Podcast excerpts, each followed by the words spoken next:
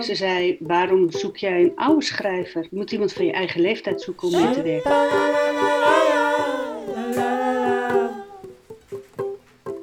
Je moet alleen maar mensen van je eigen leeftijd om je heen verzamelen. En daar moet je mee gaan. Dat was echt een heel goed advies.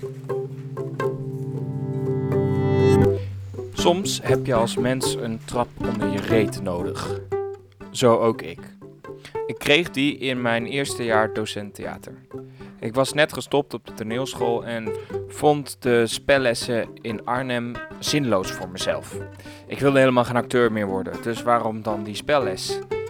De speldocent gaf me toen een lager cijfer dan de rest van de klas.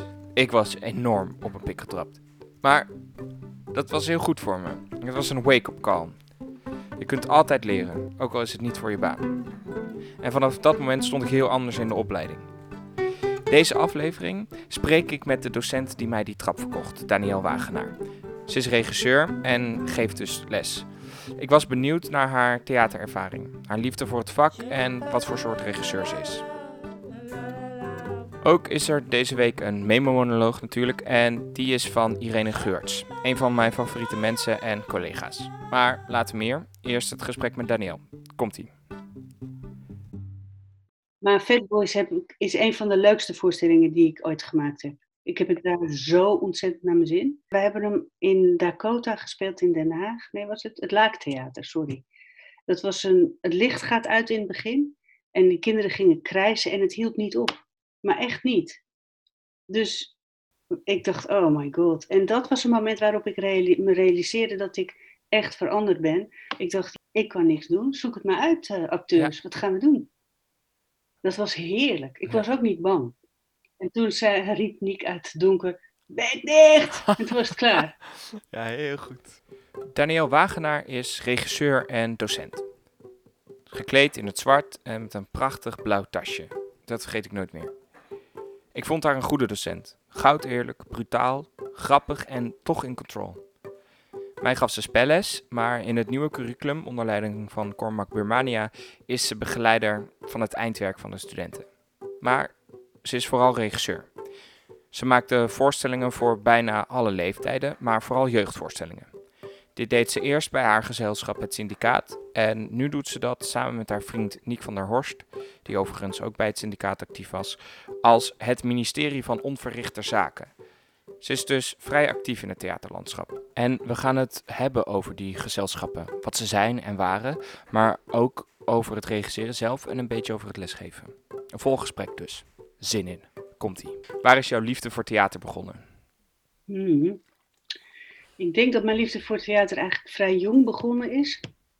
Ehm, mijn moeder was, werkte bij een theaterproducent van musicals. Niet een genre waar ik eh, Hm? veel mee doe.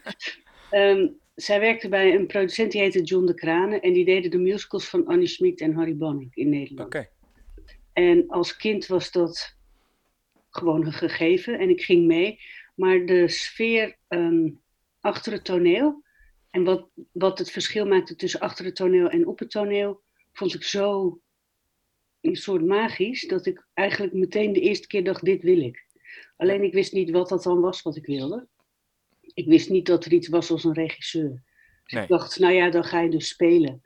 Alleen dat vond ik verschrikkelijk. Ik ging wel op toneelles dan Ja. in Amsterdam. Maar ja, nee. Maar ik wist gewoon heel lang niet dat het bestond. Nee. Totdat ik op de HKU zat. De eerste twee jaar waren een soort basis, docent. En Ja. toen zei Lex Berger, dat was mijn eh, dramaturgieleraar, die, eh, die deed met ons bergtaal van Pinter. en eh, ik, toen ik het las, vond ik dat een heel interessant stuk. En toen was de opdracht, doe ermee wat je wil.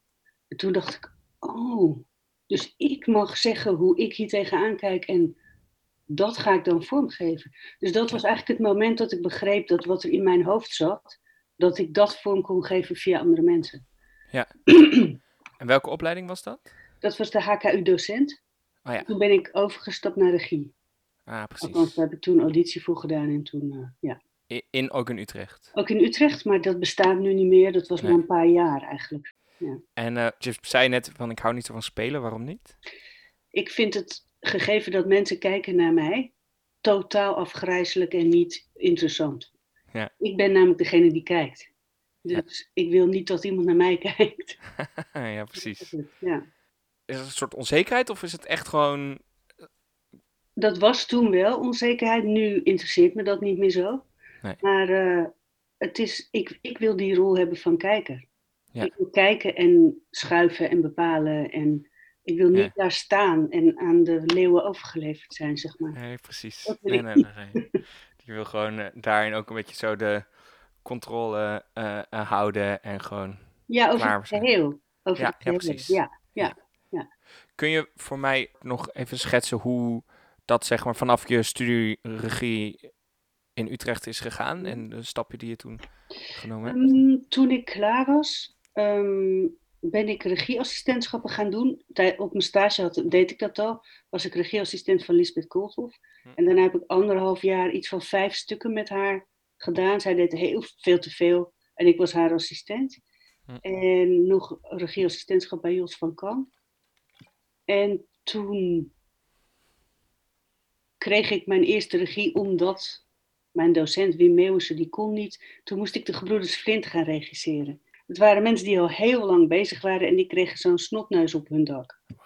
Van ik kan niet, eh, hier heb je mijn student. Jezus, wat vond ik dat eng. Maar uiteindelijk eh, was het wel leerzaam. Maar ik wist ook daarna meteen, ik wil wat ik zelf wil. En niet Ja. ik doe iets iemand anders. Dus eh, eh, toen kreeg ik een opdracht voor een jeugdtheaterfestival, wat nu niet meer bestaat. Toen heb ik een voorstelling gemaakt die heette Varkens 1. En eh, ja, toen ben ik een gezelschapje begonnen, per ongeluk. Ja. Want ik dacht, het is zo leuk. Ja. Laten we nog iets maken. Nou ja, dan richten we een stichting op. Ja. Het was heel erg te gek, want ik kon heel veel maken. En ook veel te snel. Veel te snel. Wat houdt dat in? Want dat was Nou allemaal ja, met was- syndicaat. Ja, ik was denk ik drie jaar van school en toen had ik een gezelschap. Ja. Met mensen in dienst. Ah ja. Wist ik veel? Ik had nooit, geen idee. En het artistiek ging het wel, maar ja, je moet ook een gezelschap runnen. En op een gegeven moment vond ik die twee dingen te veel eh, in elkaars eh, vaarwater. Ja. Alleen dat had ik niet in de gaten. Ik Ah, wist ja. niet precies waar het fout ging. Maar eh, ik denk achteraf gezien dat, nou, dat ik wil echt geen artistiek leider meer zijn. Dat zeg Nee. ik. Vind ik niet inspirerend. Nee.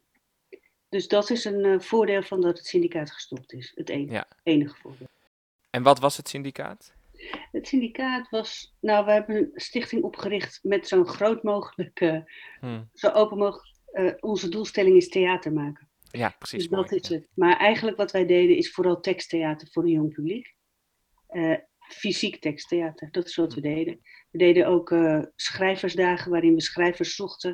We zochten altijd bestaande, nieuwe, jonge, levende schrijvers om mee te werken. En daar heb ik heel veel mee, eh, mee gedaan en ben ik heel erg door geïnspireerd. Dus dat is eigenlijk wat we deden. Ja. Ja, Ehm, en je had het al net over eh, dat een ding wat je van die tijd ook wel geleerd hebt, is dat je geen artistiek leider wil zijn. Mhm. Omdat het niet inspirerend genoeg is en heel erg in je vaarwater gaat zitten van, van het regisseren. ja bij mij. Ja, bij jou, ja. ja, ja. Ehm, wat zijn nog meer dingen die je uit die periode ehm, hebt geleerd? Ik heb geleerd om niet alles zelf te hoeven kunnen. Hm. Maar daar ben ik wel traag in hoor.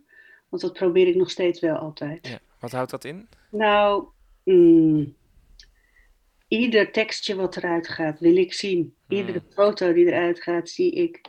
Elk hoekje in een decor heb ik ook over meegedacht. Dat is aan voor die mensen heel irritant, maar ook voor mij. Ja. Ja, en daar ben ik wel iets beter in geworden. Hoewel ik denk dat Niek en andere mensen dat zullen tegenspreken. Ja, ja, precies. Ja, maar het is ook zo dat ja, ik ben degene die het contact onderhoudt met de verkoper. Ik ben degene die de, de aanvragen doet. Dus ja, dat blijft eigenlijk zo. Maar de schaal is gewoon verkleind. Ja, Dus want nu bij, je nieuwe, bij de nieuwe stichting je. ja, ja. Want wanneer hebben jullie die opgericht? Ehm, anderhalf jaar geleden, zoiets, twee jaar geleden. Hm. Door, de master, door de master dacht ik opeens, ik wil gewoon wel, wel, ik wil wel. Ik wil wel. Tot, daarvoor dacht ik, misschien is het beter als ik me eruit terugtrek. Ik vind het geen prettige, ik vind het niet prettig. Je moet het regisseren? Of? En niet het regisseren, het, alles eromheen. Hm. Het regisseren vind ik te gek, maar alles eromheen. Dus dat je voorstellingen moet verkopen en mensen dan zeggen, ja, maar het is niet geschikt. Of nou, het is wel een beetje heftig. Of, daar had ik gewoon geen zin meer in. Nee. En heb ik nog steeds niet. Maar ik ben nu niet structureel gesubsidieerd. Dus als iemand zegt, ja, is het wel geschikt voor deze leeftijd? Zeg ik, nou, dan neem je het toch niet. Ja. Klaar. En die vrijheid is heel fijn. Hm. Maar dat kan omdat ik ook lesgeef. Ja. ja, precies. Dus de financiële vrijheid kun je daarin ook. Zeker, ja. Ehm, want wat, uh, wat wat doen jullie met het ministerie? Uh, wat, wat doen we? We maken voorstellingen voor uh, kinderen tot nu toe. Misschien gaan we ook wel weer eens wat anders doen. Um, en die laten we verkopen door vanaf twee. En we proberen daarin echt helemaal te doen waar we zelf zin in hebben. Ja. Dat. We hebben gekeken eigenlijk of we een, een soort winkeltje op konden zetten. Waarin we geld konden verdienen, maar dan wel zoals we het echt zelf willen. Ja. Nou, dat, dat is het experiment eigenlijk. Ja, en daar zitten jullie nog, nu nog middenin? Daar zitten we midden. Het ging heel erg lekker. Maar ja, toen kwam de coronacrisis. Um, en uh, jullie hebben dan die, uh, dat syndicaat, om daar nog toch even terug mm. naartoe te gaan. Um, hoe is dat als, uh, als je dan geen subsidie meer krijgt? Want dan kun je dus niet meer voorbestaan. Mm -hmm. Nou, dat gegeven gaat nog wel omdat, ja, we hebben het heel lang gedaan en misschien tijd voor iets anders. Het feit dat, je geen geld, dat ik geen geld meer kreeg, vond ik kut, maar goed. Maar dat ze, omdat je er niet tegenin moet gaan, je heel erg uh, een uh, heel negatief advies schrijven. Dat heeft heel veel uh, tijd gekost voordat ik daar overheen was. Oh, want ze hebben geschreven waarom ze het niet deden? Dat doen ze altijd. Ja. en dat was pijnlijk ja. en ik spreek daar andere mensen ook wel eens over. En die hebben dat precies hetzelfde. Want het moet juridisch, zeg maar, waterdicht zijn. Ja. En de enige manier om dat te doen is het artistiek af te maken. Dus dat is kut. Er staat dan gewoon, jij kan het niet. Ja. Sorry, ik verslik me net op dit moment. Ja. Er staat, um, staat, we hebben geen vertrouwen in jou als regisseur. Dat staat er. Ja. ja dat is dat trok, trok ik echt helemaal niet. Nee. Maar wat bleek, heel veel mensen hebben dat. Er zijn dus heel veel regisseurs die gewoon een burn-out hebben gekregen naar aanleiding van zo'n advies. Ja. Maar het veld uh, kan daar niks mee, want het moet door. Dus ja, het gaat gewoon weer verder. Ja. En dan moet je zelf zorgen dat je dat oplost, ja of nee. Ja, precies. Dus je moet er zelf mee dealen en dan... Ja. Uh, ja. Heeft dat lang geduurd? Ja, heel lang. Heel lang denk ik echt al zeven jaar. Oké. En uh, ik was ook helemaal niet boos, want ik vind gewoon, ik ben blij dat ik heel lang subsidie heb gehad. En het is jammer dat ik het nu niet meer krijg. Ja. Maar de manier waarop ze doen, vind ik niet, uh, eigenlijk niet goed. Ik denk dat het gewoon, het, is, het kan toch niet de bedoeling zijn om iemand uh, helemaal het, het, het werk afschuwelijk tegen te maken. Ja. Dat vind ik namelijk heel interessant van Cormac als er selecties zijn, zegt hij, het is nu zo dat jij en ik niet bij elkaar passen, volgens ja. ons. Dat betekent niet dat jij niks kan. Eh, waarom kan het niet iets meer zo zijn? Ik begrijp wel dat het juridisch zo moet, maar het is wel lelijk. Ja. Ze, doen het, ze gaan het nu in augustus weer doen, bij een heleboel mensen. Ja. En in plaats van dat ze zeggen, we hebben een tekort van 20 miljoen, dat ze zo meteen hebben. En we hebben ervoor gekozen om het niet aan jou te geven, maar wel aan jou. Ja. Klaar. Maar ja, dat mag niet, want dan kunnen mensen het aanvechten. Ja, precies. Dat is de reden waarom ze het zo doen. Ja. Ja. Oh, ja. Maar dat doet echt veel uh, pijn bij mensen. Niet alleen bij mij, bij veel mensen. Nee, precies. Ja. En, en 100% logisch natuurlijk ook. Ja. ja. Um, wat doe je nu eigenlijk allemaal met, uh, met theater? Um, ik ben nu veel aan, of meer aan het schrijven. Um, ik ga nu deze zomer voor het eerst een stuk schrijven voor iemand anders. Dus voor een andere gezelschap. Voor Frederik Vermeulen, die zit in Drenthe. Oké, okay, bij uh, Peer Group? Of? Nee, bij het garage. TDI? Ja. Oké. Ja. Um, en ze hebben ook dat uh, Art of Wonder Festival. Ja. Nou, ik ken Frederik al heel lang als dramaturg, maar nu eh, gaat zij gaat het regisseren en ik ga het schrijven. En ik ben, ehm, ik heb net twee stukken, of net, ik heb twee stukken geregisseerd die nu zouden spelen. Ja. Dus dat. En ik zou een stuk regisseren in Friesland Ja, bij eh 421. Eh, een tekst van Marijke Schermer, dat. Ja. En, en ik ga volgende week eh, verder met dat stuk wat op 4 mei is begonnen. Dat heet Broken Winged Birds. Birds. Broken sorry, wat ze, hoe heet het? Het heet Broken Winged Birds. En het is ehm, een tekst van Timian Veenstra. Het gaat over zwarte eh, soldaten die in de Tweede Wereldoorlog hier vochten. En in Amerika eigenlijk gewoon gelyncht werden. Hier waren het helden die ons bevrijden. Ja. En daar waren ze onvrij. Dus dat eigenlijk is wat ik nu doe. Waarom doe je niets anders? Waarom, is, waarom ben je nog steeds met theater, theater bezig? Nou, ik heb daar wel over nagedacht heel lang. Toen het syndicaat geen subsidie meer kreeg. Ja. Eh, toen heb ik heel lang ten eerste gedacht, ik kan dit niet. En ik heb het eigenlijk nooit gekund, maar ik heb het nooit gezien. Ja. Ehm, dat heeft echt lang geduurd. En eh, daarna dacht ik, ja, maar ik kan niks anders. En daarna dacht ik, ja, godverdomme, ik wil niks anders. Dit Ja. is het. Ja. Het, is, het is, bij de master zei iemand tegen mij, een docent, het is niet wie je bent, het is wat je doet. Toen dacht ik, nee, het is wel wie ik ben. Hm. Het is gewoon niet waar, het is wel wie ik ben. Ja. Niet alleen maar, maar wel ook echt voor een groot deel wel. Ja. Ja, Dus het voelt echt alsof je, alsof, alsof je echt niet anders kan en niet anders wil. En ik, natuurlijk, ik kan heus wel eh, eh, in de groenvoorziening werken als ik geld moet verdienen. Ja. Maar eh, ik kan niet met mijn hart iets anders. Of Nee. met mijn hoofd. Nee. Precies. Ik denk ook dat, het heel, dat ik het echt gebruik om. ehm, ja, dat klinkt een beetje therapeutisch. Nou, dat is het misschien ook wel. Om alles wat er in mij zit, waar ik zelf zeg maar, ja, wat te veel is om in mijn hoofd te houden, dat kan ik in kunstvorm omzetten, waardoor ik geen last van heb. Ja, andere mensen misschien, maar ja, ja. eh, nee, dat niet. Maar dat is gewoon een, een, een mechanisme wat ik nu al heel lang zo doe. En wat mij ehm, echt ja, heel, heel erg overeind houdt. Dat is echt. Ja. En eh, nu ben je dan aan het lesgeven. Raak je dat dan nog steeds een beetje kwijt? Of voel je het nu heel erg een soort van zo stapeling van dingen die je kwijt wil? Eh, ik heb nu met lesgeven en regisseren samen dat ik het idee heb dat dat heel goed bij elkaar hoort. Ja. Omdat ik met lesgeven niet het idee heb dat ik iets anders doe dan wanneer ik regisseer. Nee. Zeker in dit nieuwe curriculum ook, omdat er veel gesprekken zijn met studenten die ik ontzettend inspirerend vind. Ja. Die gewoon, het gaat allemaal over hetzelfde. Over theater en hoe raak je iemand en hoe kan wat jij doet iets voor iemand anders betekenen. Ja. Dus ja, nee, dat, eh, dus dat gaat eigenlijk heel goed. Doordat Ja. ik die twee dingen bij elkaar heb, gaat het eigenlijk best goed met me. Ah, ja. Dus ook, en ook zo nu tijdens corona. Eh, vandaag toevallig niet, maar Nee. iedereen, iedereen heeft dat af en toe. Ja. Nee, ja, het gaat eigenlijk wel goed.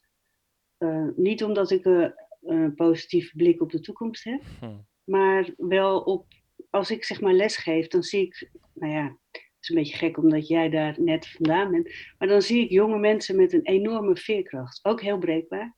Ik zie ook hele breekbare mensen, maar met een soort levenslust of een levensdrift Hm. die mij eh, activeert om ook eh, te vechten voor iets wat ik wil. Ja. Dus ja, dat dat zie ik wel als heel positief. Is dat altijd een soort drive geweest? Want je hebt met het syndicaat natuurlijk ook heel veel jonge schrijvers en zo erbij gehaald. Ja. Om stukken voor jullie te schrijven.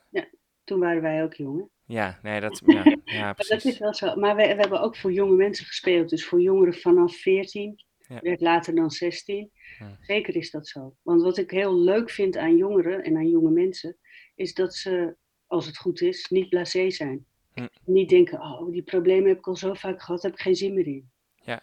Dus dat vind ik ontzettend fijn. Ja. Ja, en je kunt natuurlijk ook eens bijdragen aan hoe zij naar de wereld kijken. Ja. Nog meer dan met volwassenen, denk ik. Heel meer. Die zijn Ja. al af. Ja. Of denken in ieder geval dat ze Denken af dat zijn. ze af zijn. Ja, dat vooral. Ja. Ja. Ja. En bij jongeren weet je ook meteen wat je eraan hebt. Dus Ja. als zij een voorstelling niet prettig vinden, dan hoor je dat meteen. Ja. En als Ja. ze het wel vinden, dan hoor je dat ook meteen. Dus dat vind ik heel erg te gek. Ehm, als je kijkt naar, eh, eh, naar de regies die je gedaan hebt en, en wat voor soort wat voor soort regisseur ben je? Kun je dat van jezelf zeggen? Ik denk dat ik veranderd ben Hm. als regisseur. Ik was in het begin heel. ehm, ik liet in het begin minder los en, en regisseerde elk detail, elke millimeter. Wat niet betekent dat ik niet veel input van de spelers eh, toeliet, want dat deed ik wel. Maar de mise en scène, daar was ik ontzettend precies in. En ook in eh, de tekstbehandeling. Iedere komma, ieder woord. Daar heb alles, alles, alles wilde ik aanraken. En dat heb ik niet meer. Nee. Ik heb meer dat. Het gaat ook omdat ik werk met mensen met wie ik al heel lang werk, vaak. En ik heb het idee dat als we hetzelfde willen, dat we door het gesprek en door daar naartoe te rommelen, dan komen we daar wel uit. Ja. Dus ehm, ja, dat. Ik denk dat ik, ik ben een regisseur die heel erg op inhoud werkt. En vorm en beeld is iets wat soms een beetje ondergesneeuwd raakt. Maar de laatste tijd gaat dat wel weer beter. Ja. Waardoor komt dat? Dat het de laatste tijd weer beter gaat? Hmm, omdat ik denk ik met iets meer afstand naar mijn eigen werk kan kijken. Terwijl ik het doe. Vroeger ging ik er helemaal in. En ik kende alle teksten allemaal uit mijn hoofd. Waardoor ik precies meeging. Maar niet heel goed achterover kon leunen. Wat wel nodig is soms. Ja. En nu kan ik gewoon achterover leunen en kijken wat ze allemaal aan het doen zijn. En ik hoef het niet meteen te weten.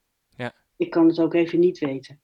Waardoor ik makkelijker overzicht hou en makkelijker een, een beeld eigenlijk erbij krijg. Ja, ja precies.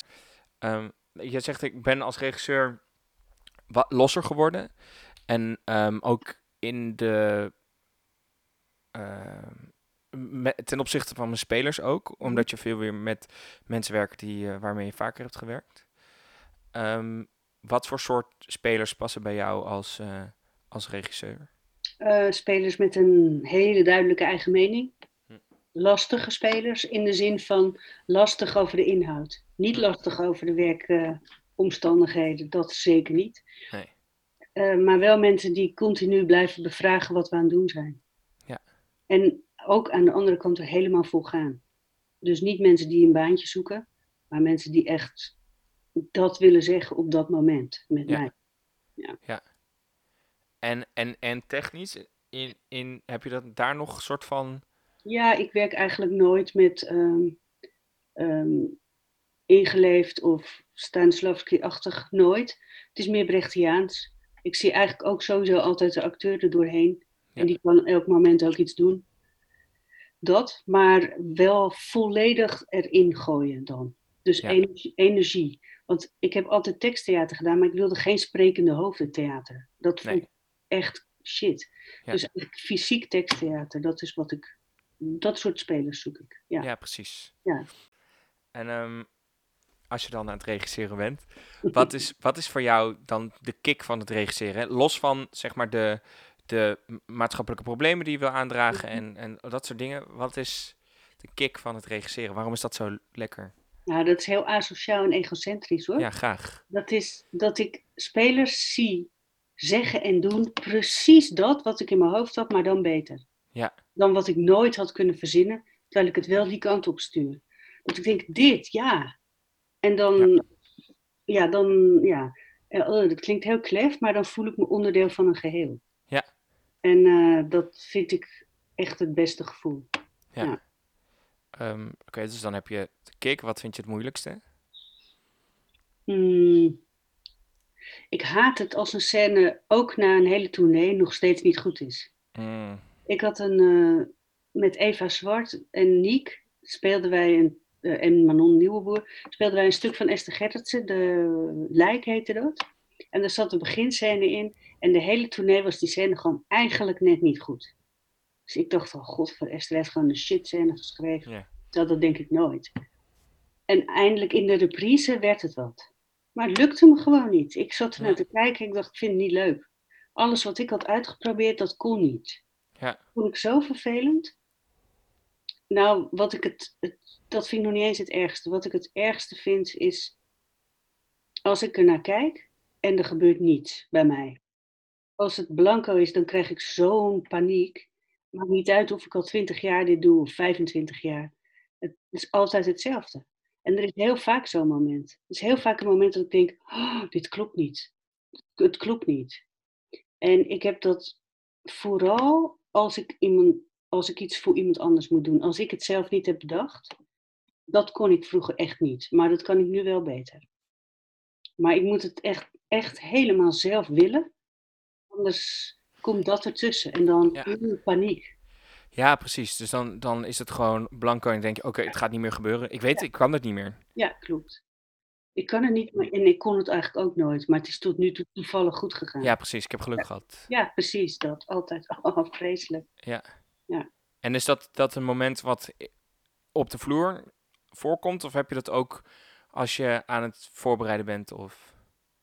Nee, niet als ik aan het voorbereiden ben, meestal. Want of ik doe het zeg maar weg en dan gebeurt het toch op de vloer.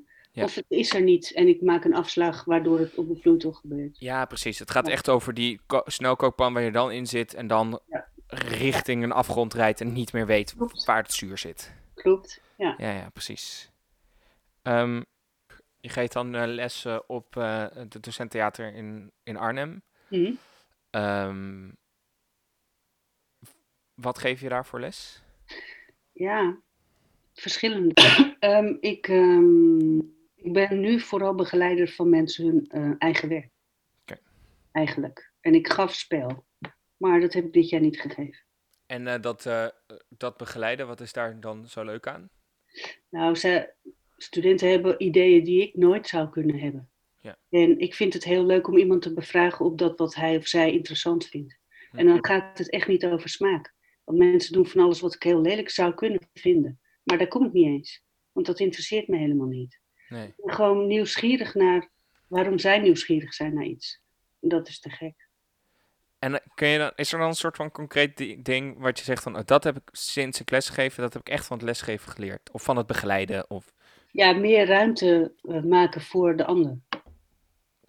Hoe bedoel je dat? Nou, dus ik heb nu meer ruimte voor mijn acteurs Hm. dan dat ik ze stuur. Eh, het, het gesprek is eh, opener. Ja. Sinds ik lesgeef, ja, Ja. zeker.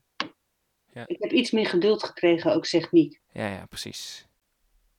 Wat, ehm, wat heeft theater jou gebracht als mens? Los, los van je vak, zeg maar, maar Mhm. gewoon als Daniel.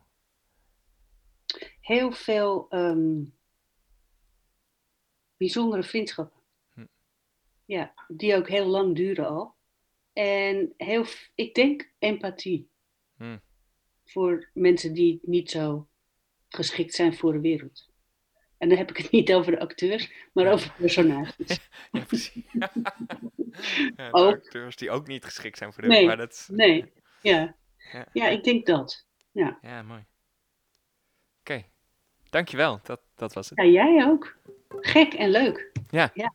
ja. Dat was mijn gesprek met Daniel. Je kunt haar stichting vinden op de website www.hetministerievanonverrichterzaken.com. En als je naar de site van Theater naar de Dam gaat, kun je ook de voorstelling Broken Winged Birds nog zien. Check de show notes voor de site. Nou, nu is het tijd voor de memo-monoloog. Een waanzinnige tekst, gelezen door Irene Geurts. Ze is theaterdocent en theatermaker bij het Stedelijk Gymnasium in Leiden en bij Carte Blanche in Eindhoven. Goed. Irene, kom er maar in.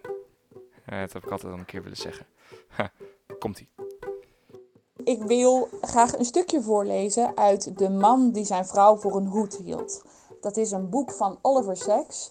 En dat boek ken ik omdat eh, onze bewegingsdocent, Sjoerd Swiebettes, eh waar Tim en ik allebei les van hebben gehad, die titel een keer dropte midden in een les die ging over je voeten. Dus wij waren al anderhalf uur heel geconcentreerd met onze tenen bezig. En plots klonk er, klonk er vanuit de hoek in het lokaal. Er was eens een man die dacht dat zijn vrouw een hoed was.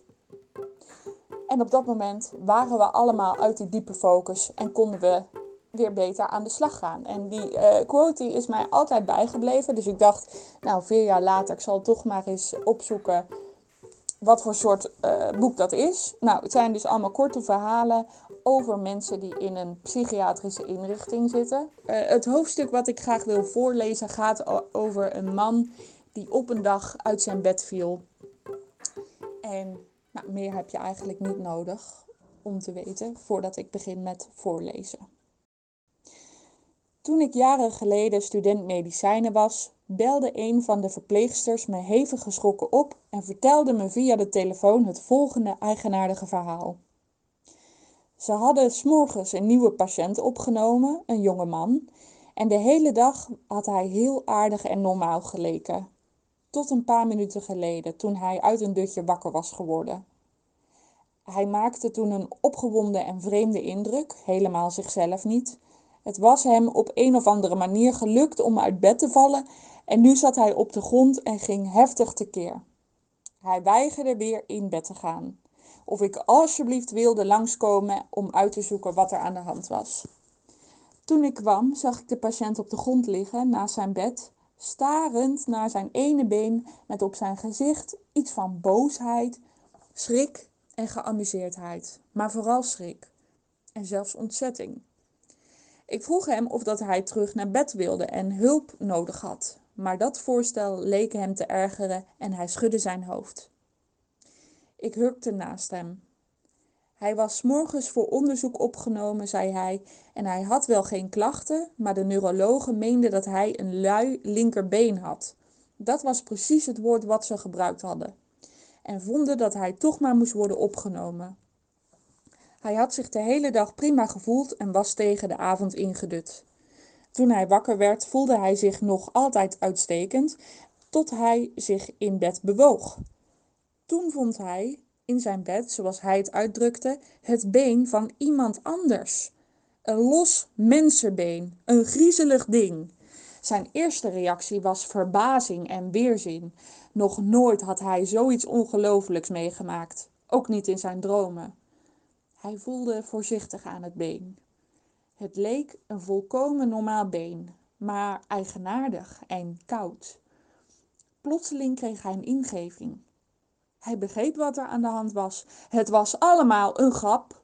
Een tamelijk botte en onfatsoenlijke, maar heel originele grap. Het was uh, oudjaarsavond en iedereen vierde feest. De helft van de staf was dronken. Kwinkslagen en knalbonbons vlogen in het rond. Het leek wel carnaval. Kennelijk was een van de zusters met een macaber gevoel voor humor naar de snijzaal gelopen, had daar een been gesnaaid en toen als grap, terwijl hij vast in slaap was, onder de dekens geschoven. Hij was erg opgelucht over deze verklaring. Een grap is een grap, maar dit is wel wat veel van het goede, dacht hij. Hij gooide het ellendige ding het bed uit. Maar, en nu liet zijn beleefde manier van spreken hem in de steek en begon plotseling te beven en werd doodsbleek. Toen hij het ding het bed uitgooide, kwam hij zelf mee en nu zat hij aan hem vast. Kijk maar eens, riep hij uit met walging op zijn gezicht. Hebt u ooit zo'n griezelig, afschuwelijk ding gezien? Ik dacht dat een lijk alleen maar dood was, maar dit is griezelig. Het is afschuwelijk. Het lijkt wel alsof het aan me vastzit. Hij greep het been met beide handen krachtig vast en probeerde het van zijn lichaam los te rukken. En toen dat niet lukte, stompte hij erop los in uitzinnige woede. Houd uw gemak, zei ik. Kalm aan, ik zou dat been niet zo stompen. En waarom dan wel niet? vroeg hij geïrriteerd en agressief. Nou, dat klonk misschien iets te agressief. Omdat het uw eigen been is, antwoordde ik. Kent u uw eigen been niet? Hij staarde me aan met een uitdrukking van stomme verbazing, ongeloof, angst en geamuseerdheid, met een ondertoon van guitige achterdocht. Kom nou, dokter, zei hij.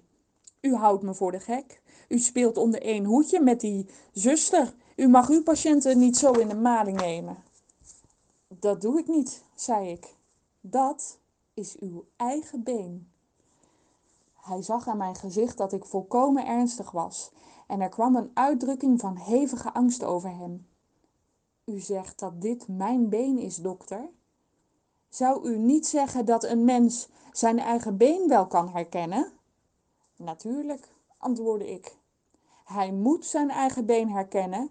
Ik kan me niet voorstellen dat hij zijn eigen been niet herkent. Bent u soms degene die ons allemaal in de maling neemt?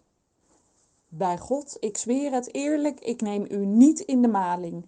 Een mens moet zijn eigen lichaam toch kennen, wat van jezelf is en wat niet van jezelf is, maar dit been. Weer een rilling van afschuw.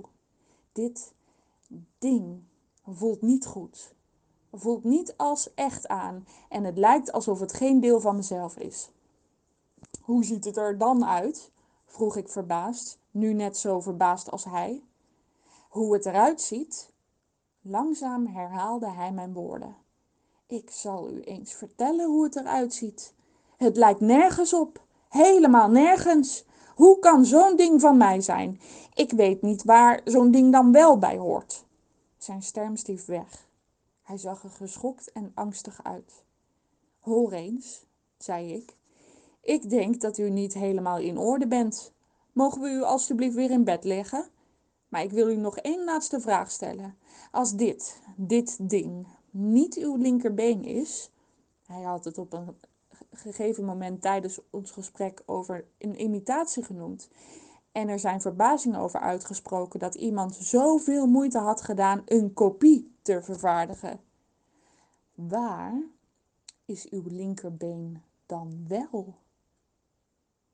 Weer werd hij bleek. Zo bleek dat ik dacht dat hij flauw zou vallen. Dat weet ik niet, zei hij. Ik heb geen idee. Het is verdwenen. Weg, nergens te vinden. Dank jullie wel. Naar sommige mensen zou ik uren kunnen luisteren omdat ze zo'n fijne en bijzondere vertelstem hebben. Irene is zo iemand. Ik zit al helemaal klaar met een kop warme chocolademelk met van die marshmallows erin. Ik ga helemaal met haar mee. Ik ben ontzettend blij dat ze dit wilde doen. Irene Geurts, beste mensen, onthoud die naam. Nou, dit was het dan. Wow, de laatste aflevering van Over Theater. Voorlopig dan. Misschien dat ik over een tijdje, een paar weken, een nieuwe aflevering ga maken. Ik heb in ieder geval genoeg ideeën voor nieuwe gasten en onderdelen of zo. Wie weet. Ik vond het in ieder geval erg tof en ik had nooit gedacht dat er zoveel mensen geïnteresseerd in zouden zijn. Dat doet me goed. Als je dit nou een leuke podcastserie vindt, deel hem dan met je vrienden of vage kennissen. En laat me dan weten wat je vond op mijn Instagram, meneer van der Molen. Nou, ik wil nog even Jonne Bo Lammers bedanken voor het logo, Fabian van der Dussen voor de muziek en Inge Weijers voor de eindredactie. Doei, bedankt voor het luisteren. Wie weet tot snel. Ja, leuk. Ja, ja.